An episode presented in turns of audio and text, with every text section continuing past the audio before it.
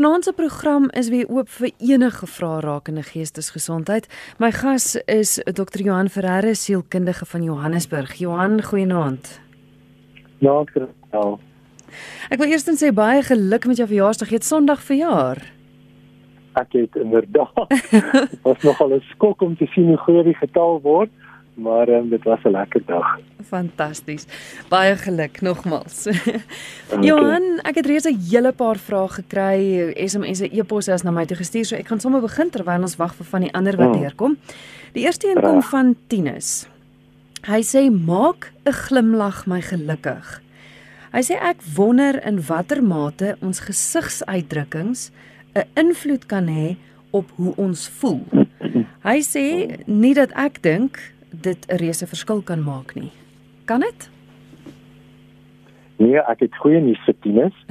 Ehm um, daar's 'n hele wetenskaplike benadering tot ehm um, wat met wat met ons emosies gebeur wanneer die kombinasie van ons gesigspiere ehm um, sekere emosionele en neurologiese reaksies in ons in ons brein veroorsaak. So wanneer ons glimlag trek daar 'n uh, eh, uh, eh, ongelooflike hoeveelheid spiere in jou gesig saam en um die die emosie wat ont wat ontlok word wat geskep word in jou brein is dan een van van tevredenheid en van plesier. Um dit is veel mooi dit is veel lekker. Ons reageer op 'n positiewe stimulus wat jou wat jou um visueel stimuleer. En dit is eintlik 'n um 'n baie natuurlike en spontane reaksie om te glimlag ons dink nie noodwendig aan 'n aan 'n ou stywe vals glimlaggie wat ons nou wat ons nou vir iemand wys wat ons vir ons moet nie. Wanneer ons spontaan glimlag is dit 'n reaksie wat eintlik binne ons gebeur en dan reageer die gesig eintlik daarop. En um, dit laat ons dit laat ons werklik beter voel. Ehm um, so dis 'n dis 'n redelike komplekse emosie wat definitief iets met ons gesigsuitdrukkings te doen het. Johannes het teenoorgestelde waar. Met ander woorde as jy met 'n omgekeerde glimlag rondloop en 'n frons. Ja. Het dit dieselfde effek dan dat jy ook dan so voel? Ja, kyk ons is nie ons is nie noodwendig altyd bewustelik dit um in voeling met hoe ons gesig lyk nie. Dit is 'n redelike um spontane reaksie. So as jy ongelukkig is, dan dan verklein mense se oë gewoonlik, hulle mondhoeke sal gewoonlik aftrek Um dit is altyd swaar gevoel wat oor die gesig kom, die hele ou gesigie hang. As jy as jy mooi Afrikaanse beskrywing daarvan. En dit is nie 'n intentionele besluit nie. Dit is wat gebeur wanneer hartseer ons oorval. Mm. dat ons gesigspiere ons gesigie laat afwaarts hang. En en dit het te doen met wat ons voel. So as jy intentioneel beter wil voel, dan dan kan jy vir jouself sê, maar trek jou gesig reg sit 'n glimlag op jou gesig en laat die emosie dan in lyn kom met dit wat jy besluit hoe jy wil voel. So selfs al gaan mense nie jou glimlag sien agter jou masker nie, glimlag want dit gaan jou beter laat voel. Mm, ongelooflik. Ek was nou die dag in die winkels gewees en ek het so afgesluit gevoel van die res van die mense. En ek het net besluit, weet jy, as hulle nou nie kan sien ek gaan glimlag nie, dink ek hulle gaan iets in my oë kan sien. En dit was ongelooflik oor hoeveel meer positiewe respons daar was. Mm. Hier gewoon die uitdrukking in jou oë te gebruik. Um dit dit dit is 'n jy weet 'n nie-verbale kommunikasie wat ons nou in hierdie tyd verloor het. Maar daar's daar's ook ander gebare wat mense kan gebruik wat vir jou kan wys dat ek tog vriendelik en vrolik voel. Anoniem uit die Swartland het eintlik twee vrae gevra. Die eerste een sê sy is dit ook 'n tipe van mishandeling en geweld teenoor jou as jou man jou verneek van voor die troue tot na die eerste kind se geboorte. Dis 1967 tot 1978 en dit met my broer se vrou, my skoonsister. Dis al een vraag? Ja. Ja, dit is dit is uit die aard van die saak. Um emosionele misbruik, dis oneerlikheid. Um dit is intentionele bedrog. Ek ek doen iets met intensie. Ek weet ek doen dit en um dit is dit is buite ons waardestelsel. Dit is nie iets wat ons glo noodwendig reg het nie. Dit gaan nie vir ons goed wees nie. En en ja, vanuit 'n emosionele perspektief kan mens definitief daarna kyk as misbruik, emosionele mishandeling. Anoniem sê ook, sy sê daarna as ek verkrag vir 'n volle naweek deur my oudste broer wie my held was wat ek nou opgesien het. My hart was stikkend geweest van die mishandeling. Ek oh. voel geestelik afgetakel en voel na 15 jaar nog steeds nie genees nie. Sy sê ek het vergewe, maar die vergeet is moeilik. Sal die genesing oh. nog kom? vra sy. Ai, Arie stel jy weet die die omvang van die trauma wat hierdie mens vir ons beskryf is natuurlik nou buitengewoon intens. En ek dink sy sal moet besef dat dit vergifnis is dit dit was 'n baie lang en en deeglike proses waar mens deur moet gaan. So jy moet voortdurend vergeef. En uh, dit is 'n groot verskil tussen om iemand te verskoon en om iemand te vergewe. Om iemand te verskoon beteken ek sê ag toe maar dis okay. Dit maak nie saak wat jy gedoen het nie. Om iemand te vergewe beteken ek moet deur die pyn werk. Dit so so hard pyn lê op 'n verskeidenheid van vlakke. Die seksuele misbruik uit die aard van die saak onaanvaarbaar en diep verwondend maar dan die die verlies aan vertroue die verlies verlies aan verwondering wat sy vir hierdie mens gevoel het dit um, mens moet jou jou hele persepsie verander van van iemand na wie jy opgesien het, iemand wat jy vertrou het. Um en dit veralgemeen na verlies aan vertroue in die res van jou lewe. So dis 'n dis 'n baie diep en betekenisvolle verwonding en dit kan baie tyd vat om om so iets te verwerk. En mens moet maar, jy weet, mens moet maar hulp kry as jy nie deur die ding kom nie. Ek probeer om mense te verduidelik dat vergewe en vergeet gaan nie daaroor dat ons ooit met ons brein sal vergeet nie. Want ons moet daarom iets uit die ervaring uit leer, maar dat ons daarom uiteindelik nie meer die pyn sal kan voel nie. En ek dink dis waar die die vergifnisproses ons na 'n plek van vergeet toe vat, waar ons van die pyn vergeet, maar ons kan uit die aard van die saak die daad onthou. Vergifnis is mos nou nie geheue verlies nie. Mm. Ehm um, maar ek maar ek dink ons moet verstaan die omvang en die diepte van van hierdie persoon se verwonding is is baie diep en baie betekenisvol. Is 'n luisteraar wat sê ek sien om na my suster vir die afgelope 20 jaar. Sy is intellektueel gestrem. My probleem is ek kritiseer haar so geweldig en ek voel so sleg daaroor. Help my asseblief. Hmm kyk as ons net as ons ons lewe met mense deel wat dan wat met intellektuele uitdagings sit of met iemand wat byvoorbeeld demensie ontwikkel of hulle hulle hulle kapasiteit om kognitief te kan funksioneer verloor maak dit ongelooflik moeilik want jy weet as redelike normaal intellektueel funksionerende mense is ons verwagting dat ander mense dieselfde vlak van insig sal openbaar as wat ons openbaar. En dan natuurlik ehm um, beleef ons diep frustrasie as iemand dit nou nie kan doen nie. As iemand nie kan sien wat ons sien en iemand nie kan verstaan wat ons verstaan nie. So ehm um, jy weet my raad aan mense wat in so 'n konteks leef is om altyd deur die bril van die uitdaging na die persoon te kyk. Mm. Om te besef dat hierdie persoon het nie noodwendig die intellektuele vermoë om te verstaan wat hulle doen of om te verstaan wat jy sê nie en as jy dan die frustrasie beleef van van 'n misverstand of van wanbegrip om om altyd te onthou maar hier is nie 'n vermoë nie. Jy het iemand wat wat hulle wat hulle geheue of hulle verstandelike vermoë deur hulle van demensie byvoorbeeld verloor. Hulle kan nie onthou, hulle kan nie verstaan, hulle kan nie begryp hoekom dit so is nie. So vir ons wat wat dan nog intellektueel kan funksioneer om altyd te onthou wanneer ek met hierdie spesifieke persoon werk dat ek my frustrasie moet reguleer deur my insig. Hierdie persoon kan nie Dis nie omdat hulle afspris is nie. Dis nie omdat hulle my treiter nie, dis nie omdat hulle my irriteer nie.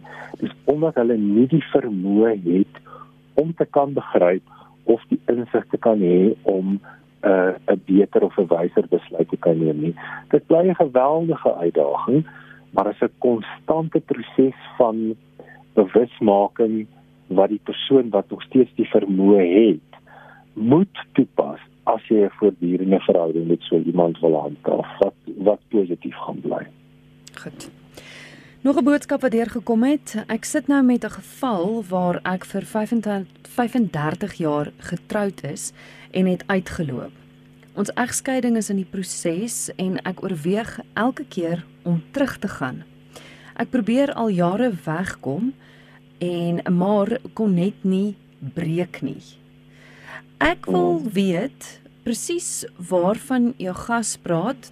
Ek dink is na aanleiding van 'n vorige program, maar die luisteraar vra, ehm um, jy voel half verslaaf aan die persoon. So ek dink die vraag is eintlik jy wil en jy weet jy moet, maar jy kan nie. Jy kan nie breek nie. Is dit sodat mens verslaaf kan raak aan 'n persoon of aan die situasie? Ja, ons ons ons noem dit ko-afhanklikheid. Mm -hmm. Dit is dit is wanneer wanneer mense in 'n patologiese of 'n nie funksionerende verhouding betrokke raak, maar beide persone ehm um, trek op een of ander manier voordeel. Daar's 'n daar's 'n daar's 'n daar's 'n wins wat jy uit die verhouding maak. So dit is dat ek beter voel dat ek jou red.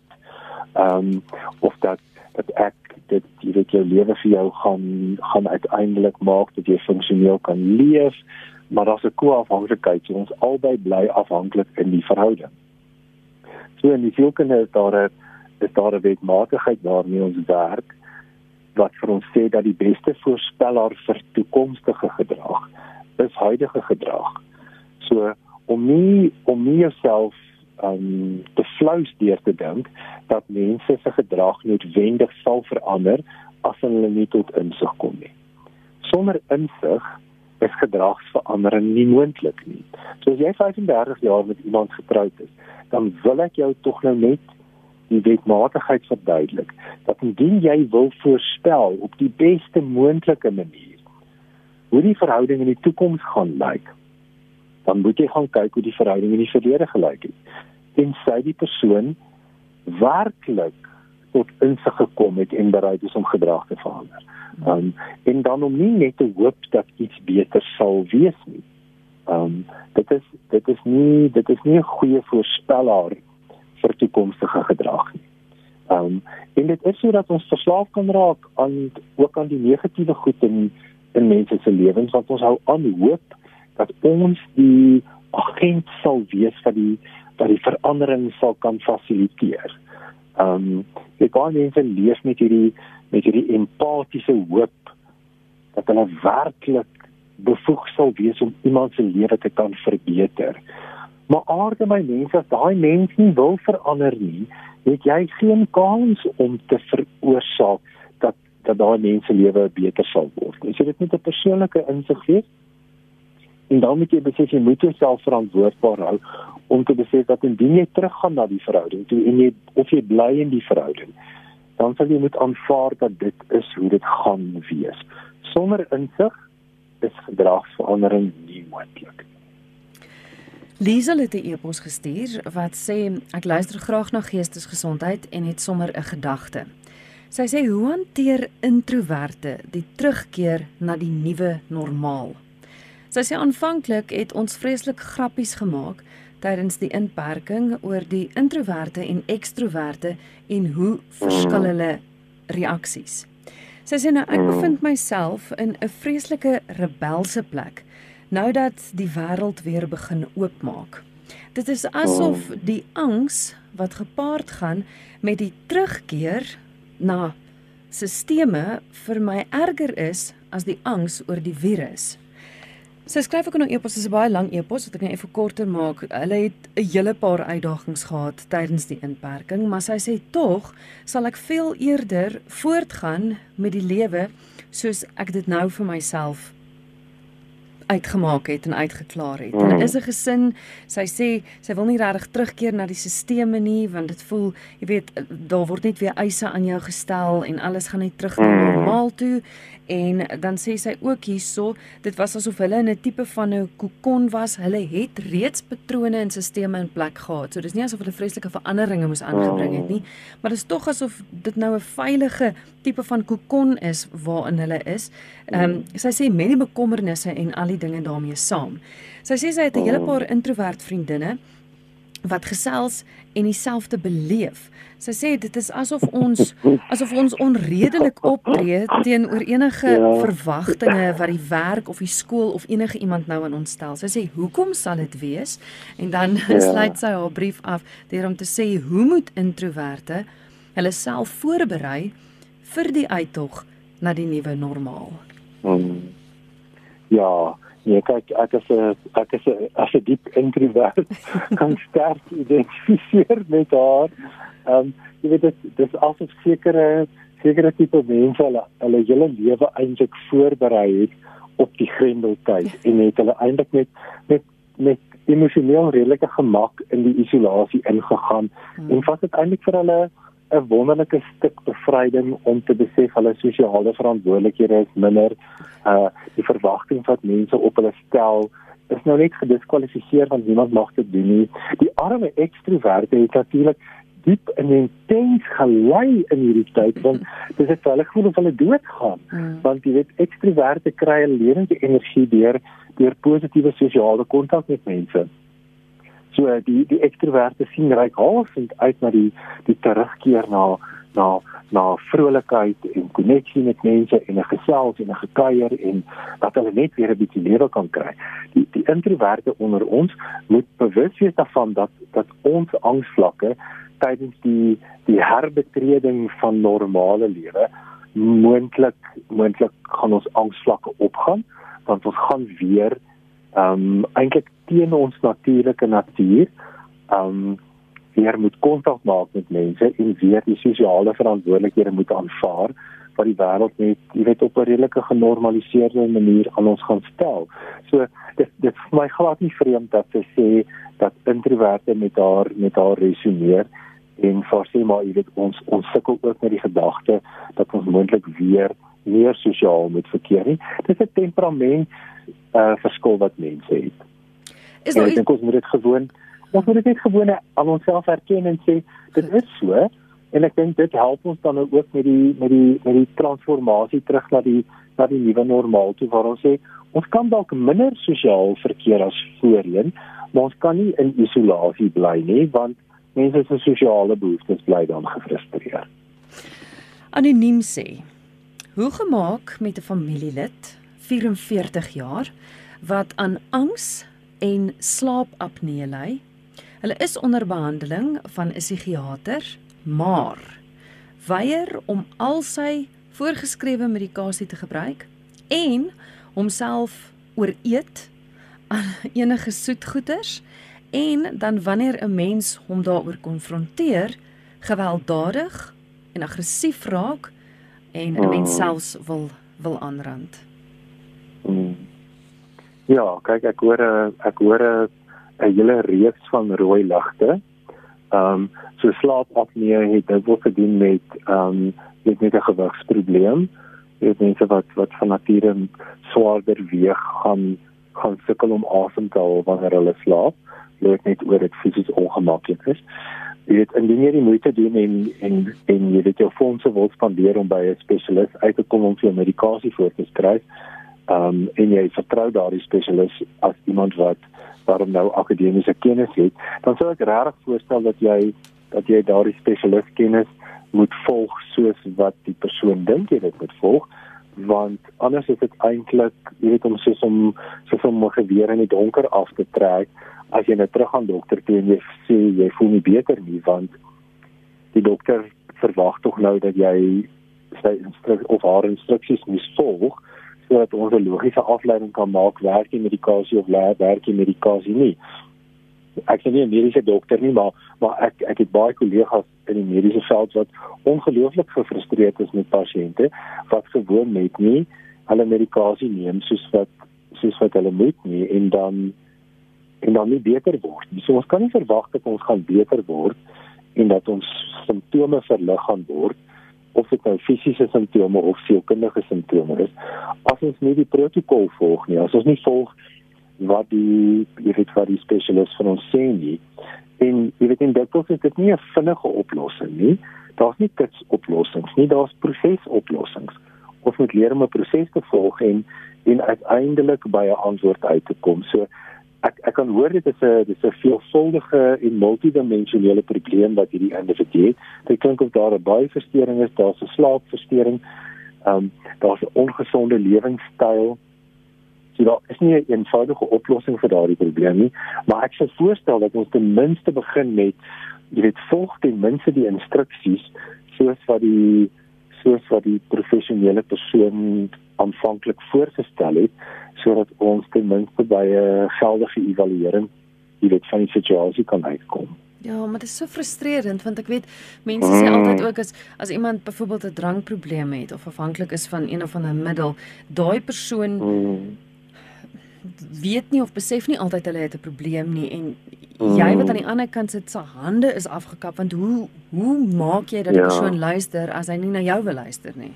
Ja. ja. Kyk ons kan nie as dit 'n volwassene is by die aard van die saak met ons die persoon ehm um, die die die vryheid gee om self te kan kies as die persoon dan aanhou om disfunksioneel te leef en aanhou om die situasie te misbruik en dat dit moontlik na emosionele en fisiese misbruik in die verhouding lei dan moet mens die verhouding sanksioneer. Mm. en moet jy met die toegang wat die persoon tot jou lewe het beperk wat natuurlik geweldig moeilik is want ons staan in verhouding met hierdie mense. So dit is 'n dis 'n langtermyn multidimensionele proses wat op 'n stadium moontlik tot terminering van die verhouding kan lei of uiteindelik die persoon kan bring by insig dat hulle beter na hulle eie gesondheid moet kyk. Goed. Ons kyk nou 'n paar SMS'e. Hier's een wat vra: Ek dra vroue klere, is dit reg of nie? Wel, dit dit sal seker afhang wat vir jou lekker en wat vir jou mooi is. Ehm um, jy weet um, ons ons leef daar nou nie meer in 1973 nie. So in 9 uh, jy weet in 2020 is ons is ons op 'n plek waar ons sekerlik moet aanvaar dat mense verskillende behoeftes het en en ons moet seker vra waar hierdie persone hierdie behoeftes uitleef. So as ons 'n waardeoordeel wil maak, dan jy weet dit dit dit maklik dit dit hang af van jou waardestelsel as ons sielkundig en en vanuit 'n vanuit 'n perspektief van liefde en aanvaarding na mense kyk dan dan moet ons seker vir die persoon vra of dit jou gelukkig maak of nie Is iemand wat sê hallo my 25-jarige alleenloper het so 3 jaar gelede in 'n ineenstorting gehad en is in 'n kliniek opgeneem vir so 2 weke lank psigiater en sielkundige was deel van die proses gewees. Hmm. 'n Maand gelede het hy 'n oordosis pille gedrink, gelukkig hmm. oorleef.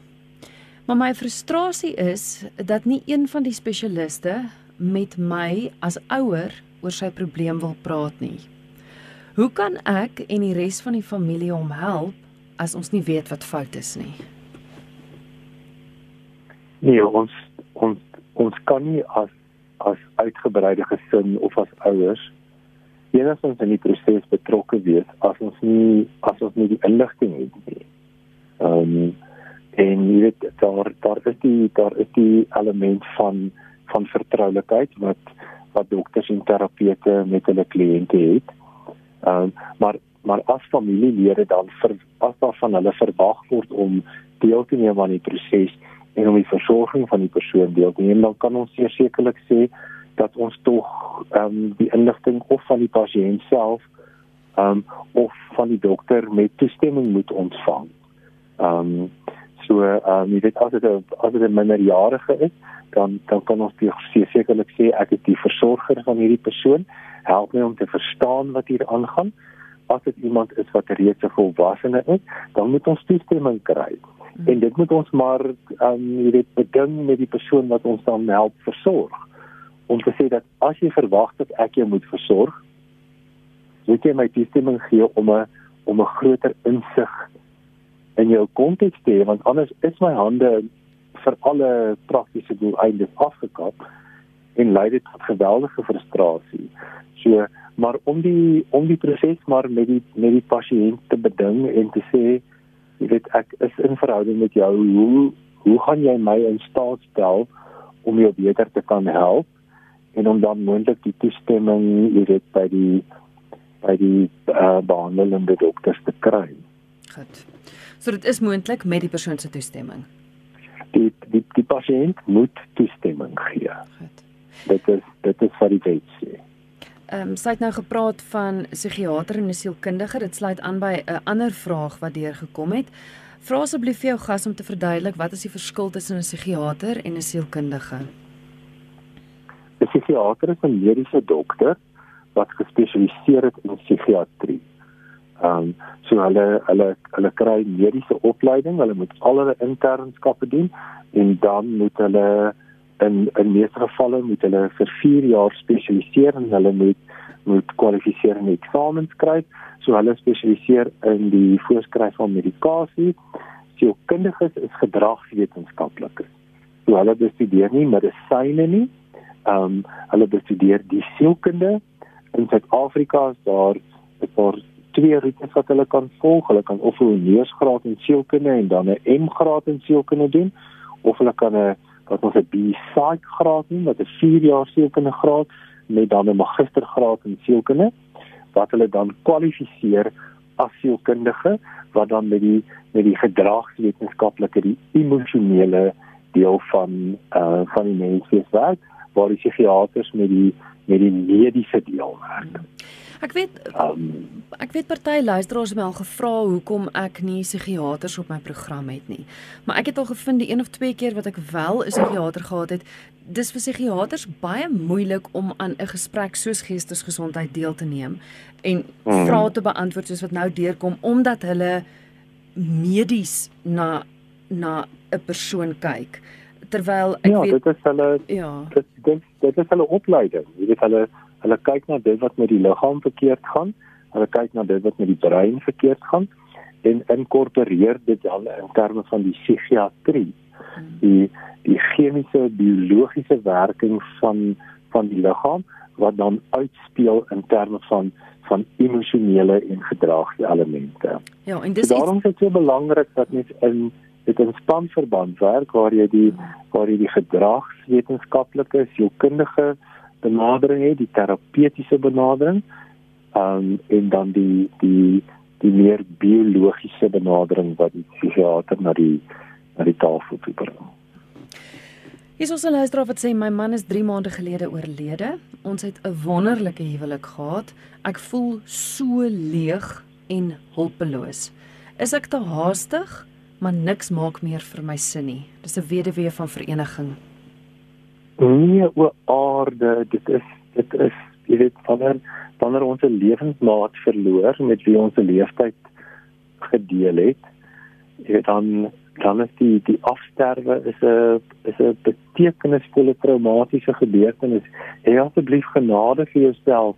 Dit gaan ongelooflik lank vat om deur 'n rouproses te gaan om uit om uiteindelik oor tyd vrede te maak. Jy weet ons gaan deur verskeie ehm um, verskeie verskeie emosionele prosesse in die rouproses. Ons is in ontkenning en dan raak ons depressief en dan raak ons kwaad. Jy weet en dan is ons dan is ons eintlik weer okay en jy weet dan herhaal ons weer die proses en dan word ons een oggend wakker en dan ons weer diep hartseer en en ons voel eensaam en verlate en en ons moet net maar in hierdie wasmasjien van emosies bly. Ehm um, jy weet en en jy weet as ons as ons byvoorbeeld na egskeiding kyk, teorie sê vir ons ehm um, dat jy 1 maand vir elke jaar wat jy getroud was gaan vat om deur jou egskeiding te rou. So jy weet as jy as jy 10 jaar of 20 jaar of 30 jaar met iemand getroud was en daai persoon sterf, aarde mens, hê net genade vir jouself. Dit gaan nie net 2 maande of 3 maande vat om deur 'n rouproses te gaan nie. Dit kan jou 18 maande tot 2 jaar vat om om werklik uiteindelik vrede te maak met hierdie diep en hierdie betekenisvolle verlies. Ons wil nie vir die res van ons lewe in 'n rouproses bly. Hmm. Maar ons mag die res van ons lewe ons maak mis. En ons mag verlang en ons mag hartseer wees. Ons ons moet nie heeldag in die bed lê en huil nie. Jy weet dit is dit is ook nie funksioneel nie, maar maar as jy in die eerste 18 maande na jou lewensmaat gesterf het, jy weet voel dit ek nie kans sien vir die dag nie. Asseblief, dit is heeltemal normaal. Dit is nie daar is niks abnormaal daarin nie. Ehm um, dit is net jy jy gee net jy gee net agting en jy gee gewig aan die verlies wat ek beleef het. Ehm um, dis dis dis rarig nie dis rarig nie aanvaarbaar dat mense sê nee maar jy moet nou oor dit kom want jy weet dis nou tyd nie. Ehm um, ons het nooit daaroor te kom. Ons hoef nie net van ons lewe elke dag te huil nie. Maar maar ons kan vir 'n lang tyd hou oor 'n diep verlies. Ja. Dis normaal. So laaste SMS voor ek telefoonlyne toe gaan. Hier is een wat sê: "Is daar 'n probleem met ouderdomsverskil in 'n verhouding? En hoekom gebeur dit dat twee mense regtig iets vir mekaar voel, maar dat daar 'n groot ouderdomsverskil is?" Dis Mike wat so vra. Kyk, ouderdomsverskil um, het maar te doen waar ons jy weet die die betekenisvolheid daarvan het te doen waar ons in ons lewe bevind. Jy weet, as jy as jy kyk na die na die meetbare verskil tussen 16 en 26, weet is dit 'n leeftyd.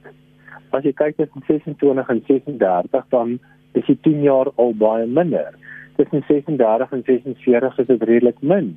Maar jy weet tussen tussen 85 en 65 is daar weer eens 'n leeftyd. So hoe jonger ons is en hoe ouer ons is, hoe groter is die ouderdomsverskil as ons hier in ons middeljare is, dan is dit nie so groot verskil um statisties nie. So mense moet maar dit in gedagte hou. Ons kan ons nou nie help op wie ons verlief raak en vir wie ons lief raak nie. Um dit het maar net sekere uitdagings in terme van mense se persepsies en dan natuurlik um soos ek sê as ons baie jonk is of as ons ouer word, dan word die dan word die 5 of die 10 jaar eksponensieel net groter en mense moet dit maar bereken maar daar's geen rede hoekom mense wat redelik in ouderdoms verskil nie in funksionele verhoudings kan wees nie. Natuurlik natuurlik kan hulle ehm um, mense moet net kyk dat mense emosionele volwassenheid redelik op dieselfde vlak lê. Mense kry jong mense wat emosioneel baie volwasse is en dan kry jy ouer mense wat eintlik nog baie jonk van gees is. So jy kan 60 wees maar jy's eintlik 40 of jy kan 25 wees maar jy's eintlik 40. Ehm um, so dit is maar 'n individuele ding en mens moet maar net nugter wees wanneer jy die somme begin maak oor langtermynverhouding waar daar groot ouderdomsverskil is. Hierso is een van 'n luisteraar wat vra wat is die rol van EMDR terapie in posttraumatiese verstoring? Nou kyk, dit is nou 'n dit is nou 'n spesialist vraag. Ek is nou nie 'n 'n 'n terapeut wat daarin spesialiseer nie. Uh maar dit het te doen met met sekere neurologiese response wat hulle by die persoon ontlok, ehm um, wat deur trauma gegaan het. Ehm um, en die die die beste is om jy weet as jy daarin belangstel om by 'n terapeut uit te kom wat spesifiek daarin gekwalifiseer is en wat daarin spes, spesialiseer wat vir jou daarmee kan help dis 'n dis nie noodwendig 'n kognitiewe proses nie, so dis nie 'n proses waarin jy sit en gesels met die terapeut nie en uh, dit het te doen met sekere tegnieke wat die terapeut toepas. Ehm um, jy het wel van ek nou nie spesialis kennis het nie. Dan is hier ook 'n vraag wat deurkom. Sy sê ek hoor jy praat vanaand met Dr. Johan. So vra asseblief om die volgende vraag. Ek het hulp nodig met iets. Ek het 'n geskiedenis van seksuele misbruik. Dit het so 20 jaar gelede gebeur en ek het met my lewe aangegaan en ek het gedink dat ek dit verwerk het. Maar so elke nou en dan is dit duidelik dat ek nie het nie. Dit is asof ek in 'n siklus vasgevang word. Ek het ek is fyn en dan gaan ek aan met my lewe en dan begin ek voel asof dinge nie lekker is nie. Uh dit is soos wanneer 'n mens net vir 'n migraine aanval kry. Sy sê oh. dan is ek vir 'n paar dae heeltemal oorbluf. Ek is hartseer, ek is depressief, ek is oh. angstig en dan word dinge weer beter tot die siklus homself weer herhaal. Dit gebeur elke hmm. paar weke. Is dit normaal en hoekom gebeur dit en hoe kan ek die siklus breek? Ja, kyk om om te sê dit is nie normaal nie beteken nou dat ons dat ons sê daar is iets fout met die persoon. So as dit vir haar normaal is en dit is dit is voorspelbaar, dan beteken dit daar 'n denkpatroon by haar gevestig is rondom die die misbruik wat in haar lewe plaasgevind het. Wanneer ons deur die proses gewerk het van iets wat so traumaties is soos seksuele misbruik, dan uiteindelik moet ons ook kies om die patrone wat dit in ons lewe laat manifesteer, ehm um, dat ons moet kies om daarvan te laat gaan. En dit is baie moeilik om dit op jou eie te doen want baie keer het ons nie net wendig die insig om te besef dat dit nou weer met ons gebeur nie. So die die emosionele respons is iets wat eintlik van self kom. So ek sou aanbeveel as as die persoon nog nie by 'n terapeut uitgekom het nie, het hom het hom hierdie gesprek met 'n terapeut te gaan hê sodat sodat hulle die het die data wat hierdie persoon na die gesprek toe bring, die gereeldheid van die proses um, kan analiseer en sê waaraan is my emosies nog vas. Dit klink vir my moontlik of die persoon se emosies nog baie sterk vas aan die misbruik sit en dat dat die emosie dit dan uitspoel op 'n gereelde basis en dat dit die persoon dan emosioneel weer destabiliseer. Nou dit is iets wat mens maar moet jy moet dit gaan neerskryf, jy moet dit gaan uitpraat en dan uiteindelik gaan jy dit moet laat gaan. Jy gaan jouself daarvan moet bevry sodat die siklus verbreek kan word, maar dit is 'n dit is baie mense se gevalle 'n 'n sterk onbewustelike proses wat eers bewustelik gemaak moet word. Dit is baie ontstellend, maar dit is die enigste manier wat ons werklik vrykom van hierdie patroon wat wat by herhaling voorkom. Die volgende vraag, dis 'n Engelse een. Um, wat sê uh my wife has sexually been abused as a little girl by a few people. She battled with it from time to time, and um, I can see that it is very hard for her. I would love mm. to support her, but I don't know what to do. I, when I ask her, she only says that she don't know how I can help her. Nou die luisteraar wil weet, hoe kan ek help? En ja, ek dink daai hele ondersteuning vir alles jy met iemand in 'n verhouding is wat dit deur is en daai persoon maak nie noodwendig oop nie, maar jy wil ondersteun en jy wil help. Hoe doen jy dit? Ja, kyk, ek ek dink mens moet onderskei tussen waar kan ek ondersteun en wat kan ek regmaak. Ehm um, daar daar's nie 'n manier dat dat die persoon dit vir die ander persoon kan regmaak nie dit is iets wat dit is iets wat die individu wat misbruik was self moet doen.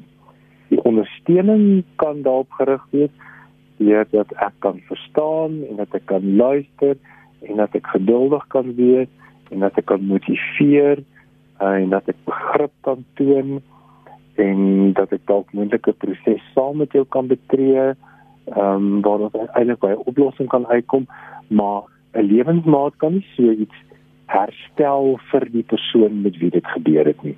Dit is 'n intrasefiese persoonlike proses waardeur die persoon self moet gaan. Ehm um, dit is ook gewoonlik nie iets wat die persoon op hulle eie kan doen nie omdat dit net dit is net te kompleks en dit is dit is te verwarrend en daar's te veel pyn by betrokke en daar's nie genoeg insig nie. So dit dit dit klink of die persoon moontlik, jy weet, 'n 'n kandidaat sou wees vir 'n vir 'n individuele psigoterapeutiese proses uh to, to to find the right therapist for the person to to assist you to go back to the pain to deal with it with the, the deception and the hurt and the disappointment and the longing for healing um and to eventually get to a point where you can become whole again but your partner can't do that for you. Mm. That is something that that you have to individually do. Um en ek dink dis dis deel van die frustrasie is om te sien hoe seer iemand het, maar om eintlik te verstaan ek kan dit beter maak nie, ek kan begrip toon. maar maar ek is nie die instrument wat tot die heelheid kan lei nie. Aris gee goeienaand. Lyk my ons telefoonlyne wil verraggies nie saamwerk vanaand nie. Goed, ek het een wat sê hallo, my lewensmaat het al baie jare angs en depressie verwante probleme en gebruik ook antidepressante. Ek ervaar dat sy ernstige gemoeds stoornisse ondervind wanneer sy selfs 'n klein hoeveelheid rooiwyn drink. Sy ontken dit natuurlik heftig Uh, maar ek sien dit nou al 'n periode van die afgelope 15 jaar. Enige raad? Ja. Ja, wel ek dink die eerste ding wat ons maar net op die tafel moet sit is dat ons almal moet besef dat alkohol 'n natuurlike depressant is. Ehm um, as ons 'n glasie wyn drink, dan dan ontspan ons, so angs kan moontlik weggaan, maar maar alkohol is 'n natuurlike depressant. So as jy 'n antidepressant gebruik, en jy gebruik alkohol saam met dit dan diskwalifiseer dit maar eintlik die effek van jou van jou antidepressant want want alkohol laat ons van nature ehm um, ontspan dit 'n verlaging van die fisiologiese uh, reaksies in ons liggaam. So sommige mense het net 'n groter sensitiwiteit vir ehm um, vir die effek van alkohol in hulle liggaam. Dit is natuurlik moeilik om om dit te hoor. Jy weet as jy dit nie wil hoor nie. Hmm. Ehm um, So maar maar om met die bewustheid te leef en net met die realiteit, jy weet kognitief is dit so dat ehm um, dat sommige mense meer sensitief is wanneer hulle alkohol gebruik en mense moet maar net hierdie die die, die boodskap aan my stuur dat dit nie noodwendig vir sommige mense die beste keuse is om hulle medikasie met alkohol te meng nie. Ehm uh, well, en teenoor dis nooit 'n goeie idee nie. Ehm um, maar ek verstaan dat jy weet dalk dalk het jy van tyd tot tyd lus om 'n glasie rooi wyn te drink, maar net om dan die bewustheid te hê dat jy weet die gesprek wat na die tyd gaan volg moontlik nou nie super positief of noodwendig funksioneel sal wees nie. Um, en om net maar net maar net te besef dit het 'n neurologiese effek op die liggaam. Dit is so vir alle mense.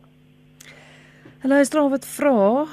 kan dit in die gene oorgedra word aan die kinders as een van die ouers 'n geklassifiseerde psigopaat is? Ja, kyk, ehm um, psigopatologie ehm um, is is ehm um, geneties ehm um, oordraagbaar. Ehm um, jy weet maar dit, dit beteken nou nie dat dat as 'n uh, dat as 'n ouer of een of albei van die ouers sekere genetiese predisposisies het dat die kinders dit noodwendig sal hê. Dis is krulhare. Ehm um, die krulhare is 'n dominante geen, maar sommige ouers met krulhare se kinders het nie krulhare nie want hulle het nou nie die geen gekry nie. So jy weet as as iemand noodwendige psigopatologiese ehm um, tendense in hulle lewe het, beteken dit nie noodwendig dat jou kind dit sal kry nie, maar ek dink mens moet maar altyd kyk na sekere gedragselemente om te sien of daar 'n moontlike teenwoordigheid is want want jy weet sekere temperamentsprofiele, persoonlikheidsprofiele ehm um, kan natuurlik oorgeerf word. Dit dit is so. Hier is 'n luisteraar wat sê, "Maar dis Marie Oberhol, Oberholzer. Sy sê my oorlede man het my vir 24 jaar mishandel. Hy is nou al reeds vir 26 jaar oorlede, maar ek het nog steeds 'n absolute vrees vir mans. Ek raak vreesbevange as ek Aha. in 'n man se geselskap is. Aarde. Ek kan nou jy kan hoor die arme mens.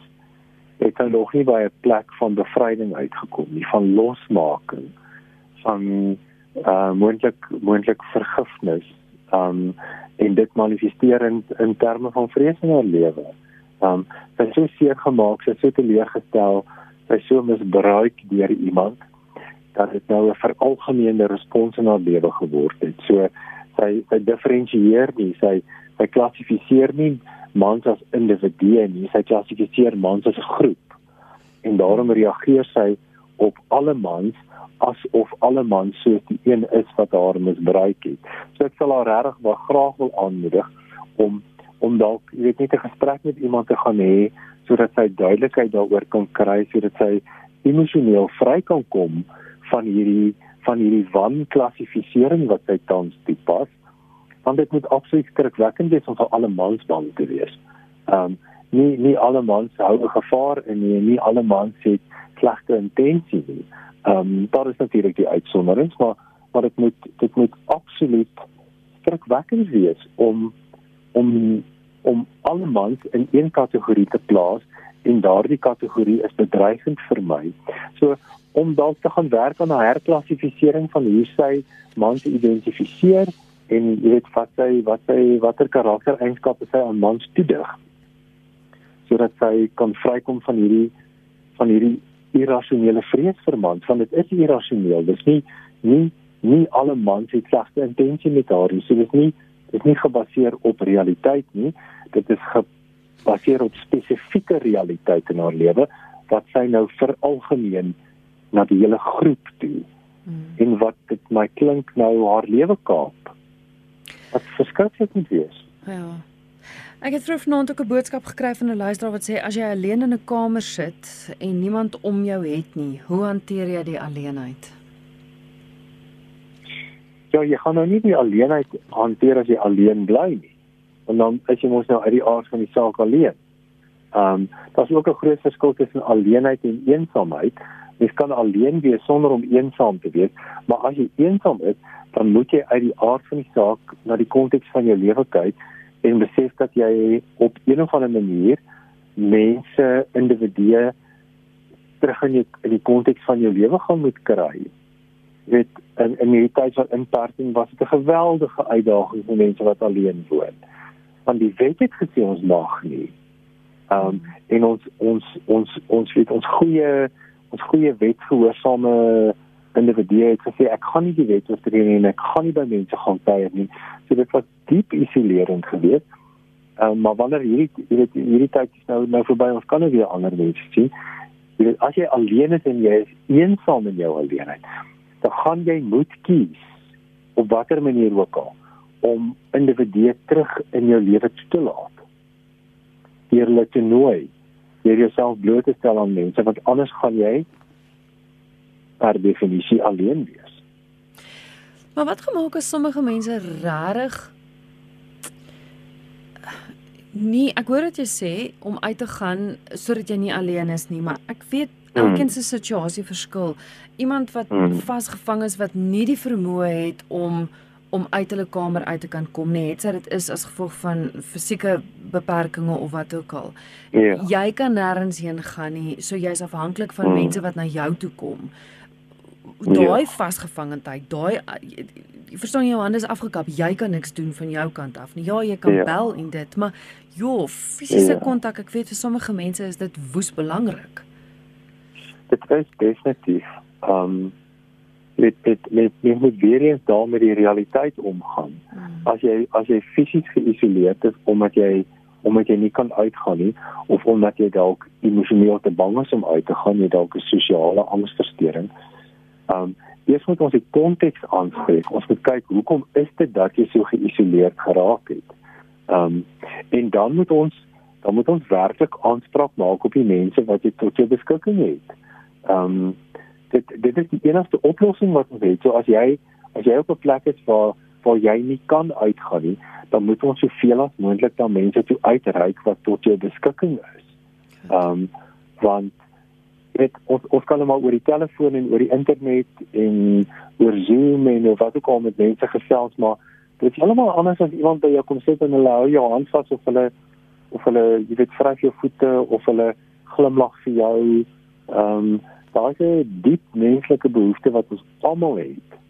Ehm um, en die enigste manier om dit te vervul is om dit met iemand te doen. So om dalk om dalk te hoor of daar vrywillige werkers is wat 'n behoefte het om om jy weet eensaam alleen mense te besoek.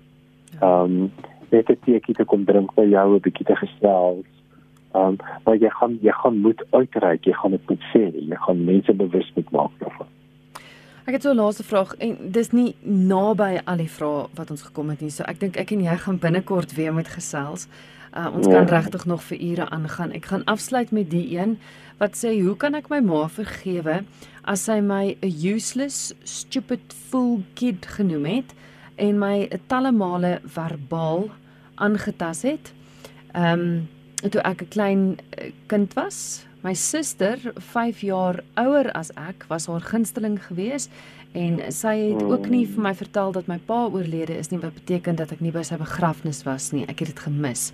Ek het geen kontak met haar nie.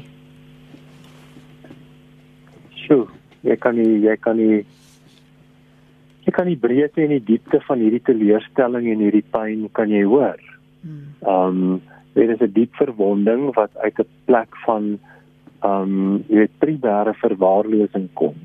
Meeste mense het 'n het 'n het 'n betekenisvolle behoefte dat hulle ouers, hulle ma's en hulle pa's hulle sal aanvaar en hulle ten minste sal lief hê. So ehm um, dit is sodat sommige ouers nie die kapasiteit het nie of net gewoon nie kies om dit te doen nie. So ons kan of aanhou om die slagoffer daarvan te wees of ons kan by 'n plek van aanvaarding kom deur te sê as ek dit dan nie by hierdie persoon kon kry nie. Hierdie is nou my ma gewees, maar maar ek moet verstaan sy of sy kon nie of sy wou nie. En of sy nie kon nie en of sy nie wou nie, die feit van die saak is sy het nie. En ek gaan nie langer die slagoffer hiervan wees nie. So ek sal moet vrede daarmee moet maak en ek sal haar moet vergewe en dit is 'n proses maar dan moet ek dit op 'n betekenisvolle en goeie en gesonde manier by ander mense gaan vind. Hmm. Daar moet ander mense wat weet wat vir my kan sê, maar jy is nie 'n stupid klein fool nie. Jy's 'n jy's 'n lieflike mens, ek geniet jou geselskap en om dan eerder jou jou behoeftes daar vervul te kry as wat jy aanhou gaan soek om dit by iemand te kry wat gewoon nie wil nie of nie kan nie. Ehm um, dit is 'n dit is 'n fiktiele dit ehm ehm dit dit dit is net 'n dit is 'n fiktiele oefening wat vir jou geen bevrediging gaan bring nie want sommige mense gaan net nooit nie. Ehm um, en om dit dan te laat vaar en te aanvaar dat dit vir my 'n diep verlies is, maar dat ek dit dan wel by iemand anders kan kry en dit dan op 'n gesonde manier te gaan soek en dan vrede te maak met met hierdie verlies in plaas om die verlies oop te hou. Dit is soos 'n oop wond wat aanhou om infeksie te kry, maar ek ek hou aan om dit by hierdie persoon te soek en moontlik kan ek dit nooit daar kry nie. Baie dankie vir almal wat vrae deurgestuur het. Ek sal hulle hou vir 'n volgende keer en seker maak dat ek hulle byderhand hou as ek en Johan weer gesels. Johan, waar kan luisteraars jou kontak? Ek verstel as hulle vir my e-pos stuur na johanf@mosaic.com en dan kan ek dan kan ek hulle antwoord. Baie dankie vir die saamgesels en 'n wonderlike aand verder. Dankie Kirstel, goed gaan. Dit is Dr. Johan Ferreira met wie ek gesels het. Hy is 'n sielkundige hier in Johannesburg. Net gou weer sy e-posadres. Hy is by Johan F by Mosaic Dit word gespel M O S A I E K.com